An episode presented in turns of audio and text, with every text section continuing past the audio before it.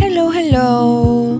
Si jeni? Si ia kaloni? Ka kaluar paksa diku te një muaj e ca që kur kam bërë episodin e kaluar. Deri atëherë i hëngrëm dhe ballokumet, i vumë dhe veroret. Por, uh, po përgatitesha pikërisht për këtë episod që është i shumëpritur nga ana ime të paktën, nuk e di nga ana juaj, një profil autori mbi Colleen Hoover.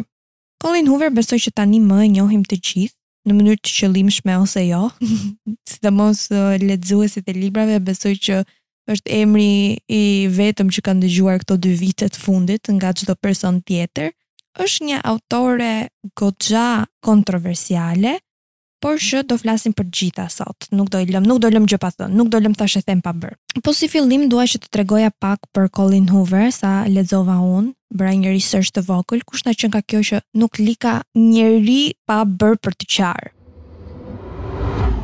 Colleen Hoover është nga qyteti ose më saktë nga shteti i Teksasit në Shtetet e Bashkuara të Amerikës dhe si profesion ajo është një punonjëse sociale.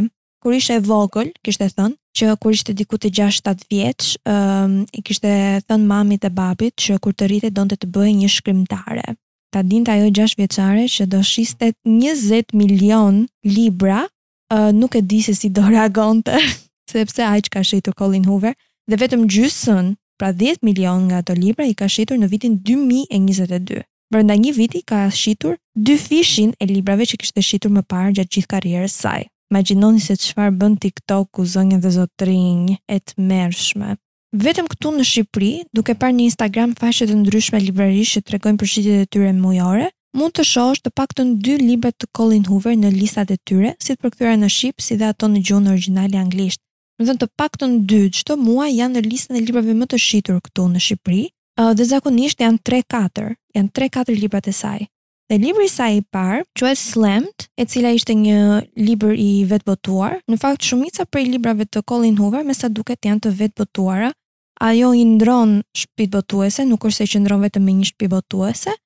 E bën këtë gjë kryesisht sepse nuk do që të ndiejë presion nga një shtëpi botuese ose nga dikush tjetër për të shkruar librin brenda një kohe të caktuar, por do që të shkruajë diçka në kohën e saj dhe në rehatinë e saj, ose që ta lejojë kreativitetin e saj të jetë në qendër të vëmendjes sesa përfundimi i një drafti brenda kohës së caktuar. Kur është pyetur nga një gazetar se çfarë suksesi i librave të saj, ajo është përgjigjur thjesht me një, Nuk e di, u bë ç'u bë, kështu më dolën librat. Dhe është një një përgjigje shumë interesante. Po në fakt është edhe një pyetje pak e komplikuar se si mund të përgjigjesh.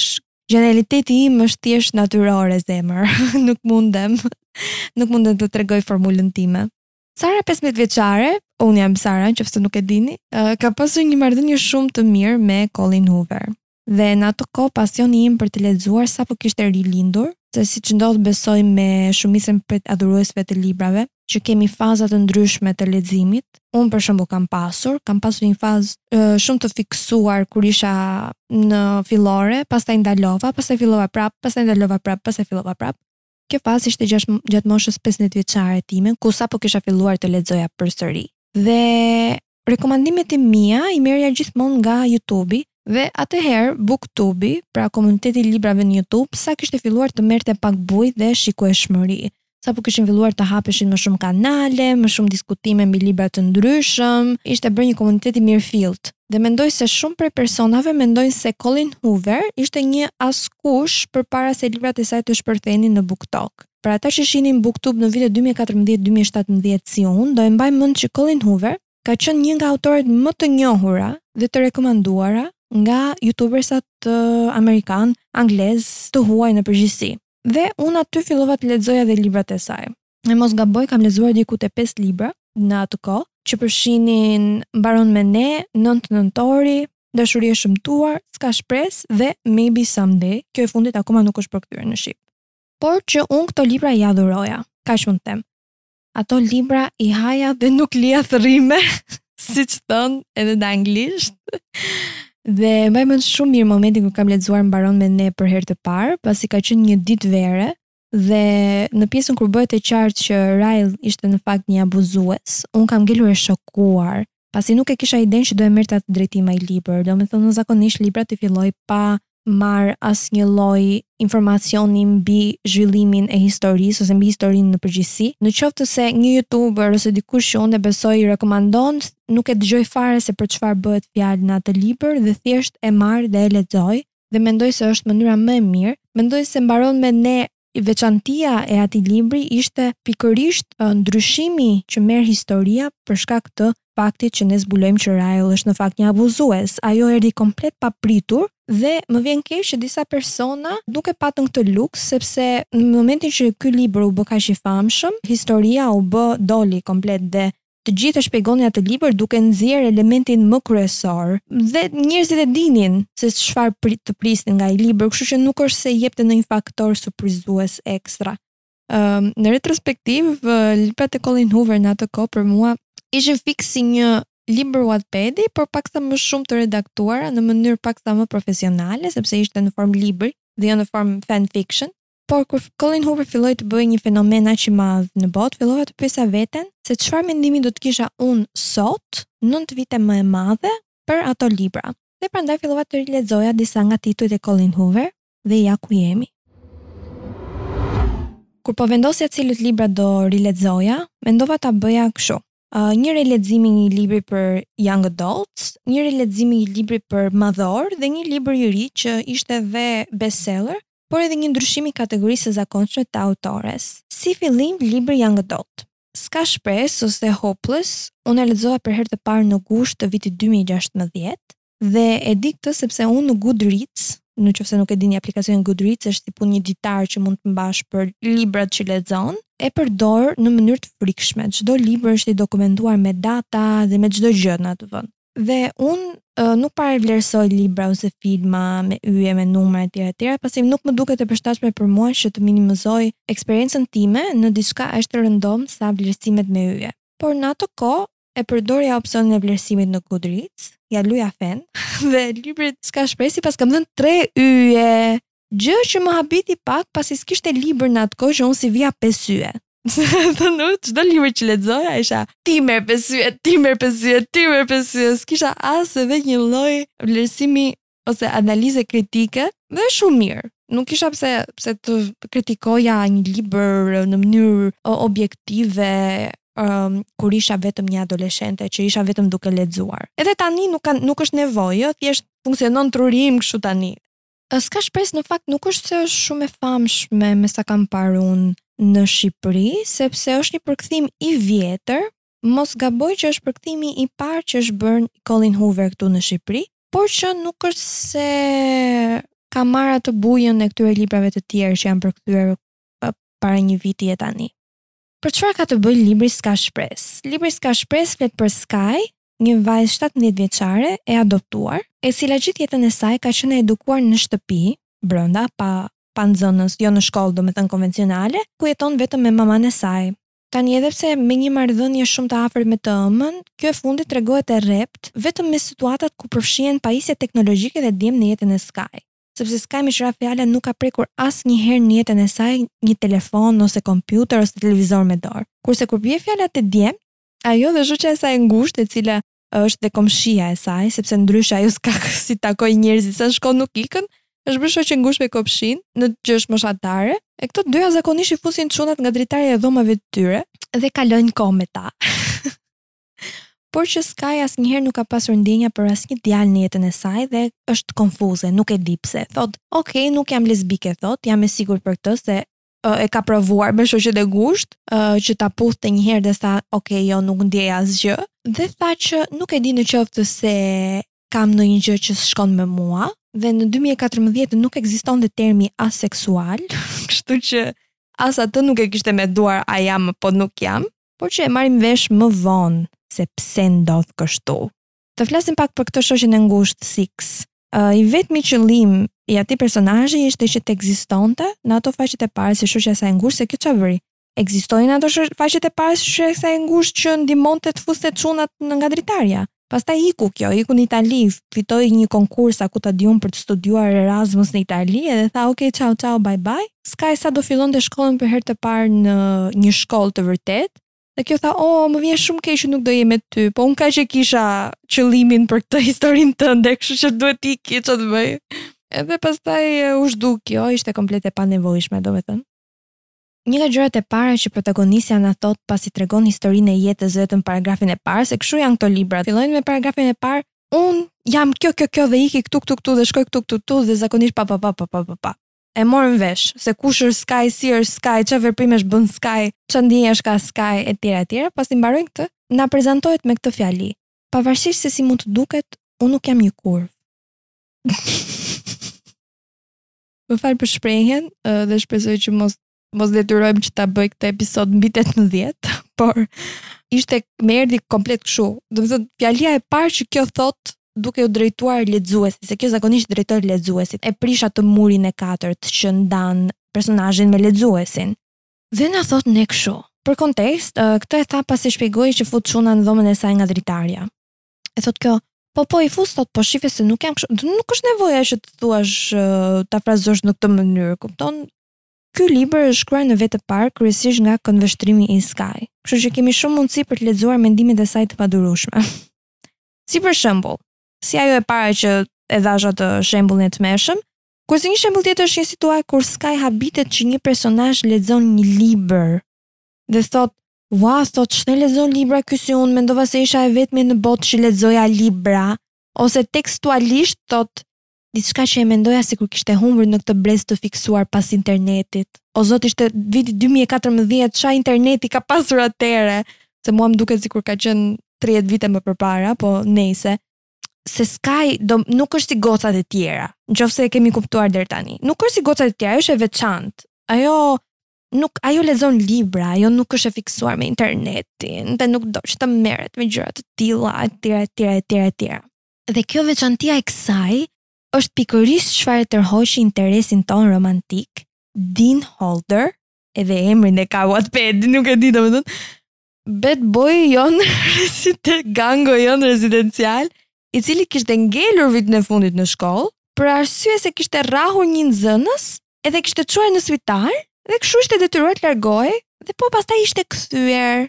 Të gjithë mendonin se ky kishte vajtur në një kështu në një burg për të rinjtë, por në fakt ky kishte vajtur të jetonte me babain e vet. Takimi midis dy personazheve tonë kryesor ishte shumë i çuditshëm. kjo ishte në supermarket, po blinte ca gjëra, kur ajo kasierja i thotë, ua, Dean Holder, kjo thotë, kush ky Dean Holder, kthen kokën kjo, i doli një super ju, dhe kjo ngeli e mahnitur, dhe Dean Holder e injoroi komplet atë kasieren, ia bëri, po kjo ça do kjo, unë jam super cool, nuk mund t'i flas unë këtyre gocave kështu pa lidhje, po pastaj sheh në sy Sky, dhe ngel, edhe pastaj e ndjek kur kjo del nga makina. I thotë si e ke emrin, si e ke emrin. Kjo thotë Sky. E sigurt i thotë, po si mos jam e sigurt i thotë kjo, ja ta tregoj i tha, na merr këtë kartë identitetit. Ky, a ok, thotë, na fal i thotë. Se të ngatërrova, më ngjave me motrën. Ok, në rregull, iku kjo. Pastaj, ë, uh, ja që u ndeshën shumë herë me njëri tjetrin në këto situata, në situata të ndryshme, të çuditshme, Pastaj filluan ta njihnin njëri tjetrin e të bisedonin më shumë, e ky u kthye në shkollë, edhe krijuan një lidhje romantike. Marrim vesh që Dean ka pasur një motër binjake e cila kishte vrarë veten një vit më parë dhe gjithashtu marrim vesh që mamaja e Sky largohet për të punuar jashtë qytetit pikërisht në ato momente kur i nevojitet zhvillimit të historisë, pikërisht në ato momente kur Dean dhe Sky duan duhet që ta zhvillojnë historinë, duhet ta avancojnë historinë më tepër. Uh, por një gjë dua të them, kanë shumë tension. Këtë duhet ta them për Colleen Hoover dhe në librat e tjerë, ajo di të shkruajë tension seksual. Të paktën një gjë ajo femër di ta bëjë, edhe e qan me lot për mendimin tim. Por që këta personazhe kanë nevojë për terapi kanë.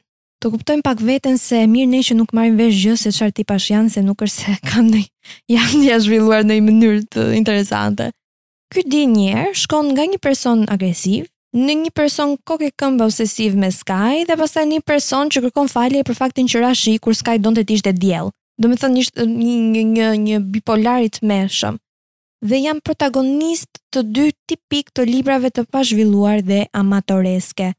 Pa thellësi, Çdo karakteristikë e përshkruan vetë ajo dhe nuk e tregon nëpërmjet veprimeve ose situatave të ndryshme. Kjo është domethënë karakteristika e librave amatoreske. Nuk tregojnë, por shpjegojnë, me informacione të tepërta. Si një moment kur ky Dean dhe Sky e bëjnë publike lidhjen e tyre dhe ecin nëpër shkollë, kështu nëpër korridoret e shkollës, kalon një çun, i cili me sa duket u ndje shumë keq që këta ishin duke ishin të lidhur në një lidhje romantike, filloi të ofendonte. Domethënë nuk është se i ofendoi, ja kjo e ka shiku, siç mund mbase mund të jetë në të vërtetë. Jo, ai kaloi 5 minuta të tregonte me detaje, me imtësi se pse kështu si ashtu si ashtu si ashtu, edhe Din fillon të nevrikoset, i fillon ato i ngrihen ato nervat agresive që ai ka dhe pastaj është skena perfekte. skena perfekte. është ajo skena, kjo mundohet që ta qetësojë Dinin, e detyron që ta shohë këtë në sy dhe i thotë Din, mos më shih në sy, më shih në sy, nuk je ti. mos e bëj këtë gjë, mos mos, mos u nevrikos. Dhe Din e dëgjon.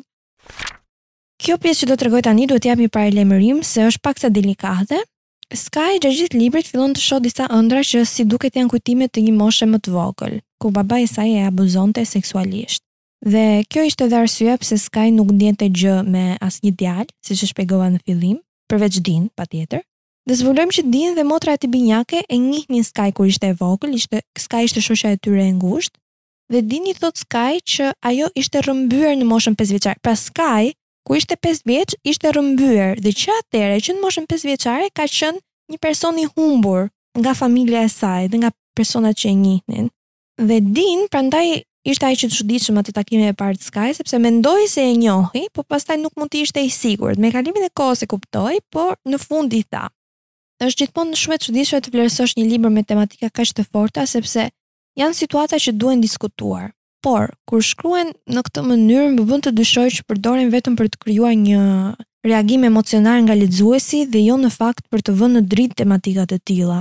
E këtu dallohet që Colleen Hoover ka qenë një punonjëse sociale, pasi duket sikur i ka dëgjuar ose hasur këto histori në punë, por i ka vlerësuar vetëm si një person i vetës së tretë. I ka kuptuar në mënyrë sipërfaqësore dhe detyrimisht i ka trajtuar në të njëjtën mënyrë dhe në historitë e saj. nga që fokusohet shumë te zhvillimi i historisë, nuk fokusohet fare në ndërtimin e personazheve dhe personazheve i mungon individualiteti dhe luajnë vetëm atë rolin e avancimit të historisë. Duket më shumë në disa personazhe sesa në të tjerat, po zakonisht shumica prej personazheve atë rol luajnë në librat e saj dhe vijnë shumë të thatë kur i lexon. Kjo dallohet sidomos te skena kur Sky ballafaqohet me babain e saj. Një skenë shumë e shpejtuar, një skenë që donte patjetër vëmendjen e saj, duhet të vazhdonte për shumë kohë për mendimin tim. Duhet të ishte të paktën të fillonte nga gjysma e librit edhe të vazhdonte deri në fund. Po kjo është një skenë që mbaron me një kapitull. Uh, mirë që babai i saj, një psikopat, e pranon aq shpejt që ka qenë abuzues fëmijësh, më shumë se një herë, por dhe përfundimi i historisë së tij është komplet pa lidhje. u mbyll në një mënyrë që ishte korrekte për Sky, por që nuk është ashtu jeta e vërtetë. Në qoftë se do shkruash një histori të tillë, atëherë jepi një dimension tjetër, një thellësi tjetër. Nuk mund ta lësh kështu që ai bëri atë veprimin edhe kaq u mbyll me një fjongo edhe super, fund i lumtur. Në përgjithësi, për mua ishte një libër i vakët, nuk ishte ndonjë wow, nuk ishte as i tmerrshëm, ishte thjesht i harrueshëm.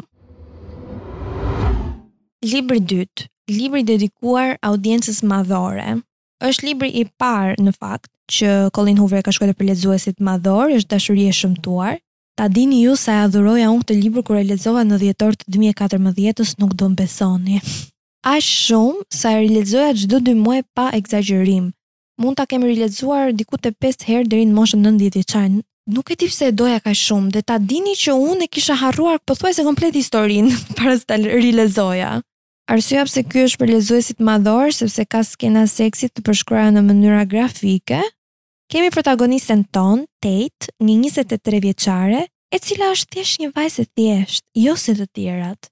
një vajzë që i mban flokët topuz të shkujdesur dhe nuk është se i konsideron shumë rëndësi veshjeve. Ajo zhvendoset në San Francisco për të jetuar me vëllain e saj të madh, i cili është një pilot, ajo vetë është një infermiere, studente infermiere. Dhe vëllai i saj pilot jeton në një gradaçelë të mbushur me pilota të tjerë, të cilët janë pothuajse të gjithë të bukur dhe të pasur. Siç është dhe Miles, komshiu i saj i ri dhe shoku i ngushtë i vëllait. Nuk mund ta besoja që mënyra e të shkruarit të këtij libri ishte më i dobët se Hopeless, se S'ka Shpresë, por më duket se ashtu ishte.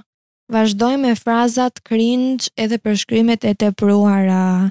Si në skenën e parë ku dy protagonistët flasin me njëri-tjetrin për herë të parë pasi, një natë më përpara, Tate e gjen Miles komplet të dehur në derën e shtëpisë së vëllait, komplet pa ndjenja, aq shumë kishte pirë, Pastaj kjo e ngre e ndihmon ta fusin brenda se kështu i thot vllai në telefon. Pastaj Miles ia fut një të qari kot papritur në shpatullat e Tate-it, kjo habitet e ndihmon e shtri për të fjetur, e zgjohet në mëngjes dhe Miles i bie derës, ç'bën vaki thot kjo, kush po i bie derës kështu. Ngrihet kjo edhe Miles i qëndron te te dera e kësaj, i nevrikosur. Pse është i nevrikosur? Është i nevrikosur sepse e marrim vesh më vonë që ky nuk do që të bjerë në dashuri. Dhe kur sheh Tate për herë të parë, është kaq e bukur dhe kaq mahnitshme për të sa e ndjen që diçka më tepër mund të ndodhi midis tyre dhe prandaj mundohet që ta traj, ta trajtojë paksa në mënyrë agresive që ta distancojë veten nga ajo. Nejse, atë mëngjes kur zgjohet Miles dhe i hap derën e dhomës me forcë, kjo e përplas derën në surrat këtij dhe thot me vete, "Ha, fitova unë. Iu, ti je një 23 vjeçare, do ishte super cringe. Nuk e di, vazhdojnë pastaj përshkrimet e kota të situatës. Për shembull kur thot, ai po më sheh mua duke pritur që unë t'i përgjigjem pyetjeve që më bëri më parë. Unë dua që ai thjesht të largohet, kështu që i përgjigjem të gjitha pyetjeve direkt. Po nuk ka nevojë grua që të tregosh me imtësi, thjesht përgjigju pyetjeve dhe e marrim vesh ne që i je përgjigjur të gjithave, nuk jemi budallenj. Domethënë kjo është që pse e ndjen nevojën të shpjegosh çdo veprim, çdo gjë me kaq detaje, sikur lexuesi është dy vjeç dhe nuk e kupton se çfarë po ndodh. Me këndvështrimet e Miles jemi kryesisht mbrapa në kohë kur Miles është në gjimnaz dhe tregon historinë e dashurisë së tij të parë. Dhe një fakt që unë e kisha harruar komplet nga ato pesë rileximet e mia, Rachel, dashuria e tij e parë, është në fakt vajza e njerkës së tij të re! Domethënë ligjërisht dalin motër e vëlla këta të dy. Edhe pastaj fillojnë edhe të jetojnë në një shpi bashkë, se prindërit e tyre martohen, okay, Dhe ky ngaqë është shumë i sjellshëm me Rachel sepse e do, babai një ditë të bukur e përqafon e puth dhe i thot sa vlla i mirë je. Iu. Porqë Colleen Hoover nga Teksasi është, kështu që priten edhe këto gjëra. E kështu, Tate dhe Miles, pas një momenti shumë të fuqishëm tensioni seksual, përfundojnë duke qenë shokë me benefite. Dhe e dim që kjo gjë funksionon gjithmonë, s'ka rast që nuk funksionon kjo. Fiks ashtu si e fillojnë ashtu e mbyllin. Ë, uh, edhe asnjë nuk bie në dashuri me njëri-tjetrin. Por Miles të paktën ia bën të qarta kësaj disa gjëra në fillim, që shife se unë nuk mund të të jap asgjë më tepër, domethënë e kam të pamundur e tjera e tjera. Edhe kjo që edhe pse e dinte me siguri që do binte brenda, I tha, po, po, edhe unë ashtu si ty mendoj. Fiks, mos e vrit mendjen, i thot. Vetësabotim në maks. Pastaj marrim vesh që arsyeja pse Miles nuk bie dot në dashuri me Tate, është sepse kur ishte, u, uh, spoiler, e thashë unë që do bëj spoiler, do, do tregoj me spoiler, domethënë është, është e kuptushme, pesaj. Arsyeja pse nuk bie dot në dashuri me Tate, është sepse kur ishte me Rachelin në moshën 18 vjeçare, Racheli ngeli shtatzënë dhe lindi një djalë. dhe ditën kur këta po ktheheshin në shtëpi bashkë me djalin e tyre nga spitali, këta të tre pësojnë një aksident dhe makina i bie në lumë dhe Miles shpëton Rachel-in, të parën, se ashtu e ndjeu, ose ashtu e pa situatën, nuk mund të mendosh, nuk të rrish aty të mendosh shtatë orë, dhe djali fatkeqësisht humbi jetën. Dhe pastaj Rachel-i ia hedh fajin Miles-it, edhe pas dy javësh të mira e braktis atë. Dhe që atëherë Miles-i betohet që nuk do e lejojë vetes asnjëherë të ndiejë një dhimbje të tillë. U krye dhe faktori shokues që e kemi parë në çdo libër të Colleen Hoover. Pasi e thërret Tate-in me emrin e Rachellit gjatë seksit, edhe shkon e takon Rachelin për të parë gjendjen e saj, e cila ishte shumë mirë meqë ra fjala, e martuar me kalamaj, jo si ky beqar dhe i paprekur për gjashtë vite me radhë. Milesi kthehet te Tate, i thotë të dua, i thotë edhe që aman më fal, i tha se më kape në moment dobësie kur thashë emrin e Rachellit, të premtoj. dhe kështu mbaron dhe dashuria e shëmtuar. Tani e di që shumë njerëz e adhurojnë këtë libër, e di që unë vetë e adhuroja shumë, por nuk e kuptoj arsyen pse me thënë drejtën. Është përsëri një histori e vakët. Prap nuk mund të flas për gjendje shpirtërore dhe psikologjike të askujt prej personazheve dhe sidomos të Milesit, sepse mbase e ka persona që e gjejnë veten te ai, Unë mendoj se trauma ishte padyshim e reflektuar në veprimet e rutinën e tij, domethënë ishte një gjë që Colleen Hoover e kishte shkruar në mënyrë të suksesshme në qoftë se mund të them, në qoftë se mund të guxoj të them. Kështu që besoj se Colleen Hoover e ndërtoi mirë atë aspekt, por që nuk është një libër që do e rilexoja përsëri për herë të shtatë. Libri i fundit që lexova ishte një libër jashtë kategorisë së zakonshme të Colleen Hoover, pra jashtë atyre romancës bashkëkohore, ishte Verity. Verity është një nga librat më të shitur të Colleen Hoover, ka dalë në vitin 2018.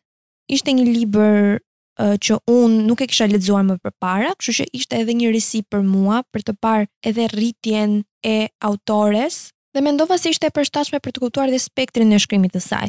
Si mund të shkruaj ajo jashtë kategorisë së saj të zakonshme?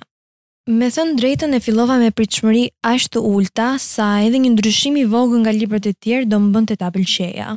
Dhe në fakt ashtu ishte. Mendoj se Verity mund të jetë libri më i mirë i Colleen Hoover, kur flasim për mënyrën e të shkruarit.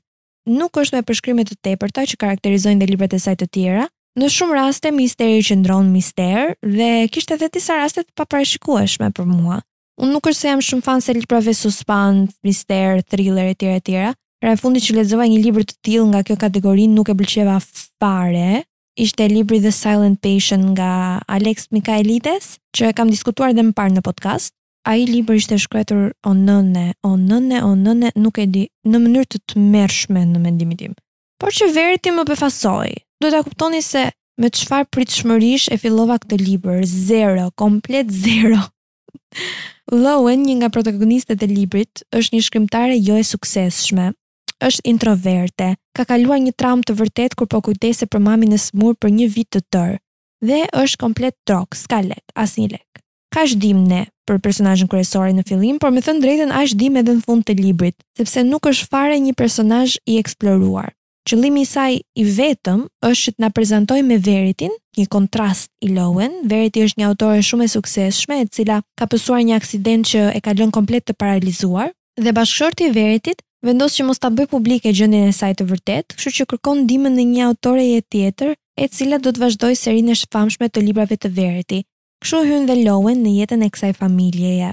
pasi rilexova s'ka shpresë dhe dashuri e shëmtuar, nuk do e besoja veten që fjalët personazh kompleks do dilnin nga goja ime për të përshkruar një vepër të Colleen Hoover, por besoj që personazhi Verity është vërtet një personazh kompleks me dimension, për shembull mënyra se si ajo fliste për urrejtjen që ndjente për binjaket para se të lindnin ëh ishte e frikshme.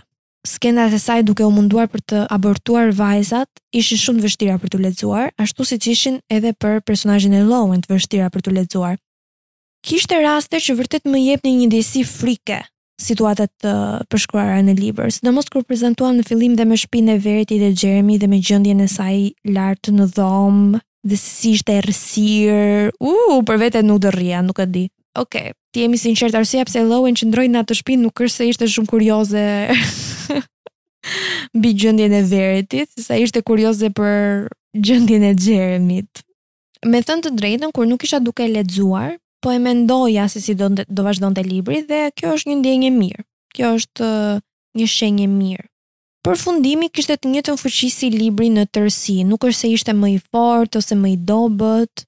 Letra e Verity ku tregonte në fund se si e kishte shkruajtur atë biografinë dhe për çfarë e kishte shkruajtur etj etj m'u duk paksa i tepërt me përshkrimet që jepte, domethënë nuk është se i ngjante një letre realistike ashtu si po fliste ajo, ishte thjesht një libër, një faqe libri i maskuar si një letër.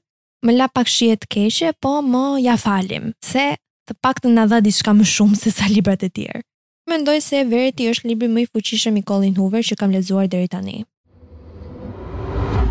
I mbaruam dhe librat e Colleen Hoover. E morëm vesh edhe informacione për atë vetë.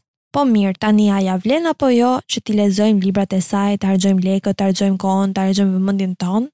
Në është komplet uh, zgjedhja jote personale. Nuk e mohojmë dot që Colleen Hoover aq e famshme sa është bërë, aq më e urryer është bërë gjithashtu. Është krijuar një tendencë online për ta urryer Colleen Hoover. Njerëzit jo vetëm që urrejnë autoren dhe librat e saj, por gjithashtu fillojnë që të gjykojnë ose paragjykojnë lexuesit e librave të saj. Nuk është puna e askujt që të paragjykojë dikë nga preferenca e librave që lexon. Por fama këto gjëra ka. Në momentin që Colleen Hoover u bë aq e njohur, detyrimisht vijnë edhe kritikët. Ideja është këtu. Çdo person është kthyer në një psikolog në erën tonë të re. Dhe shumica prej kritikëve flasin për personazhet meshkuj të Colleen Hoover, se si janë abuzues psikologjikë dhe abuzues fizikë. Sigurisht që me famën vjen përgjegjësia. Në momentin që ti prek një numër aq të madh njerëzish në grupmosha të ndryshme, atëherë duhet të jesh dhe përgjegjës për çfarë po nxjerr, çfarë shembulli po nxjerr përpara atyre personave. Por që Colleen Hoover këto libra i ka shkruajtur në 2014, në 2015, në 2016. Ato libra ajo i ka shkruajtur pa pasur në konsideratë numrin e njerëzve që mund ta lexonin. Ajo i ka shkruajtur në atë mënyrë sepse ashtu e ndiente, është një reflektim i një personi, është një reflektim i një shkrimtari, i një artisti, Pastaj nuk numërohen librat që kanë një portretizim të frikshëm të lidhjeve romantike, që janë bërë të famshme në TikTok, mbasi ajo nga shumica prej lexuesit ose në të njëjtën rang ose në të njëjtën kalibër si librat e Colleen Hoover, por që janë, për shembull, janë librat e dark romance, që lexohen kryesisht nga gjashtëmbëdhjetë deri në njëzet vjeçare. Dark romance flet për rrëmbim, përdhunim, abuzim fizik është gjëja më e vogël, është gjëja më e vogël që mund të hasë personazhi kryesor dhe është okay. Në qoftë se dëshiron ta lexosh atë lloj libri, është okay, është zgjedhja jote. Është komplet preferenca jote, por nuk do të thotë që ti ke fuqi që të paragjykosh dikë tjetër me librat që pëlqejnë ata. Ktu nuk kemi ardhur për të luajtur as rolin e psikologut, as rolin e paragjykuesit, as snobin, ktu kemi ardhur për të lexuar. Do lexojmë për qejfin tonë. Unë do lexoj ça dua unë, ti do lexosh ça duash ti. Për shembull në komentet e mia i kam parë shumë herë, në TikTok kryesisht, kur një person, në qoftë se është një video ku unë pyes cili është një libër që do e rekomandoje gjithkujt ose cili është libri jot i preferuar e tjera e tjera dhe në qoftë se në komente dikush përgjigjet me një titull të Colleen Hoover,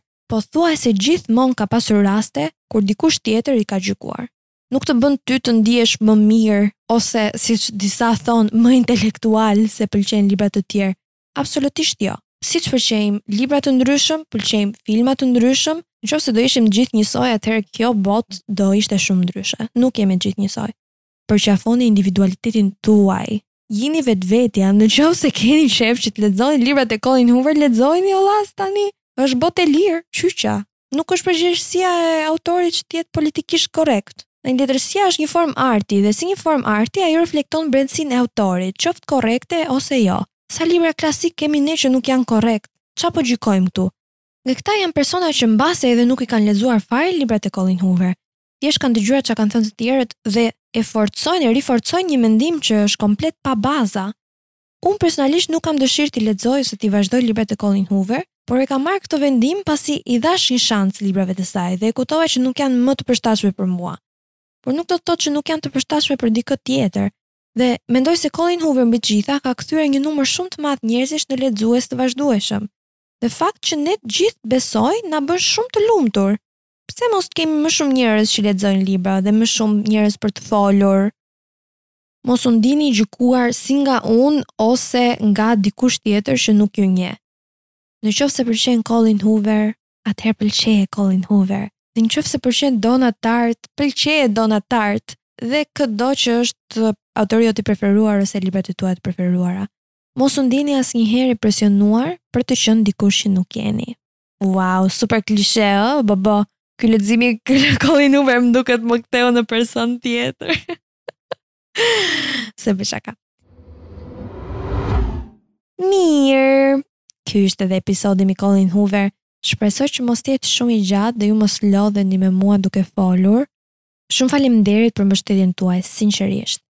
arsyeja pse unë po i vazhdoj këto është sepse kam një feedback nga dikush, një, dy, tre, dhjetë persona, njëzet persona, nuk ka rëndësi, thjesht që dikush po dëgjon podcastin tim, është një ndjesi shumë e bukur për mua, lëre më që kam mbi 200 followers, shumë shumë faleminderit, ju kam shumë xhan.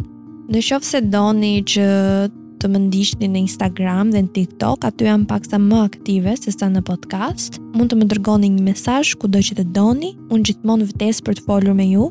Shumë faleminderit edhe një herë. Dëgjohemi në episodin tjetër. Ciao.